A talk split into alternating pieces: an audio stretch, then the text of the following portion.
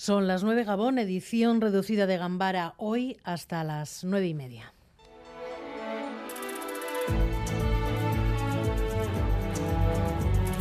Gambara con Arancha García. 558 millones de euros, 47 millones más que este año. Eso es lo que invertirá el Estado en la comunidad autónoma vasca 103 en Navarra, después de La Rioja, donde menos inversión se destina. Es lo que prevén los presupuestos del año que viene, que además vienen con una notable subida del cupo Madrid Miquel Arregui. Sí, por tercer año consecutivo el Gobierno registra en el Congreso su proyecto de presupuestos. María Jesús Montero, ministra de Hacienda. El Gobierno cumple y lo hace, como digo, trayendo un presupuesto que da estabilidad y seguridad. Seis de cada diez euros se destinarán al gasto social, mientras aumenta también la inversión real, la más alta de la historia, 11.800 millones de euros, de los cuales 558 irán a Euskadi y 103 a Navarra. Como se mantiene el modelo de cálculo, las haciendas forales también tendrán que pagar más al Estado, aumento del 20%, por el que el concierto vasco se fija en los 1.680 millones y el convenio navarro en los 645. Con el proyecto registrado, al Gobierno le toca negociar, por lo que Montero hacía un llamamiento al diálogo. Y por ello esperamos que a partir de este momento el diálogo sea franco, sea constructivo, que prime el sentido de Estado. El Gobierno confía en contar con el apoyo de la mayoría que también aprobó los dos anteriores presupuestos. El primer escollo será en tres semanas con la votación el día 27 de las enmiendas a la totalidad.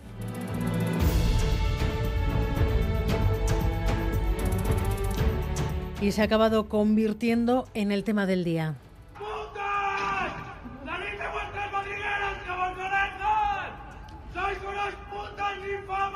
Los gritos machistas desde las ventanas de un colegio mayor de la Complutense en Madrid, gritos machistas que han movido a la indignación generalizada, menos a las que llamaban putas ninfómanas. Y creo que se está dando mucho bombo y me parece que se está sacando todo de contexto. No, no, no nos sentimos ofendidas ni nada, para nada. Bueno, es un pique que tenemos todos los años entre chicos, chicas, tal, un colegio tal al otro. Maya Galparsoro, la Fiscalía sí que cree que la cosa es grave y de hecho va a abrir una investigación por delito de odio. Sí, la broma o la tradición, como le han llamado los propios protagonistas, ya está teniendo sus consecuencias. Una cancha de baloncesto separa el Colegio Mayor Elías Aguja del Santa Mónica, ellos a un lado, ellas al otro y comienza la berrea. Primero grita uno y después se une el resto como si fuera una coreografía. Ellas dicen no sentirse ofendidas, lo escuchábamos, ellos han pedido perdón, pero dicen que el vídeo se ha sacado de contexto. Yo creo que es una broma que se ha ido, de madre. Hay un sentimiento pues, de vergüenza por lo que por lo que hicimos y por lo que es la imagen que se está dando el colegio, ya que creemos que no se acorde al, al día a día. Ambas partes coinciden, eso sí, en que es una tradición, lo decíamos, algo que pasa todos los años y de hecho hay vídeos que lo confirman. De momento el Colegio de los Chicos ha expulsado al que grita primero. El director del centro, Manuel García Artiga, condenaba así lo ocurrido. Absoluta oposición radical a esas palabras incomprensibles e intolerables. Y la Complutense, a la que está adscrito el Colegio Mayor, ha abierto un expediente para investigar lo ocurrido. No podemos dejarlo pasar porque hay que asumir las responsabilidades, pero sobre todo reflexionar a futuro. Lo último, lo decíamos, es que la Fiscalía estudiará si hay delito de odio en los insultos. Entre la clase política, la indignación, la condena unánime.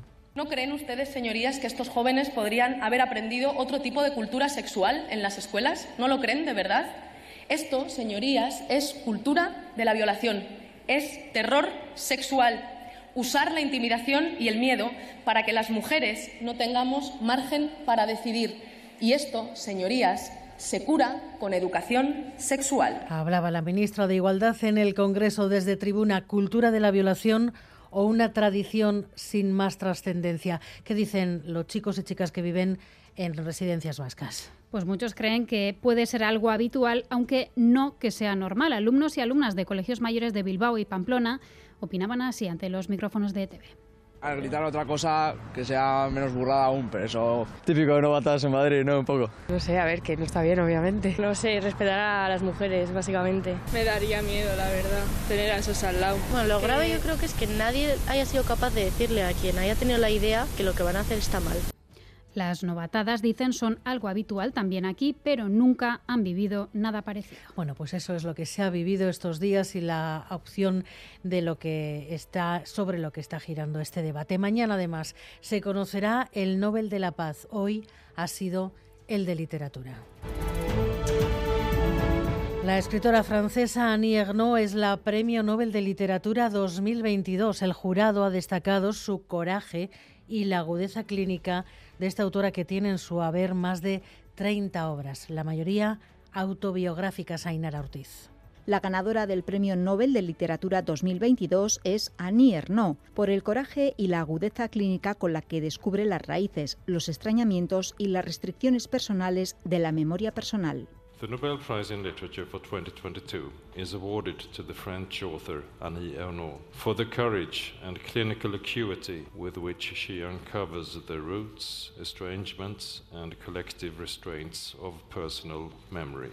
El jurado ha destacado asimismo que la autora cree en la fuerza liberadora de la escritura y que su obra intransigente está escrita en un lenguaje sencillo y limado hasta la limpieza.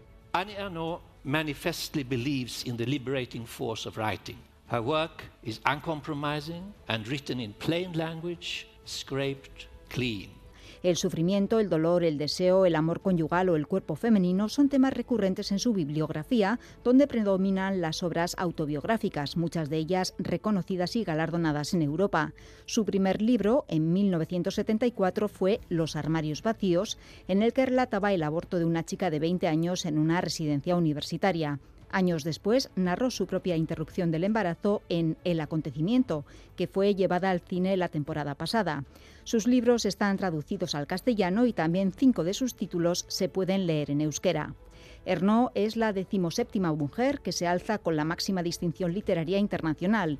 El galardón está dotado con 10 millones de coronas suecas, más de 920.000 euros y será entregado en diciembre. Y en carreteras, dos puntos con problemas. En Berrobi, sentido Navarra, un vehículo se ha salido de la calzada. Una persona ha resultado herida y ha sido trasladada al hospital de Tolosa. La grúa está retirando el vehículo, pero se pide precaución por ese punto. Y en Musquis, en la Vizcaya 734, sentido Cantabria, un vehículo ha atropellado a una persona. Los equipos de emergencia se han trasladado al lugar para atenderlo. Afortunadamente, la víctima no ha tenido que ser trasladada al hospital. Miguel Ortiz y Alberto Zubeldia están en la dirección técnica de esta Gambara. Gambara, con Arancha García.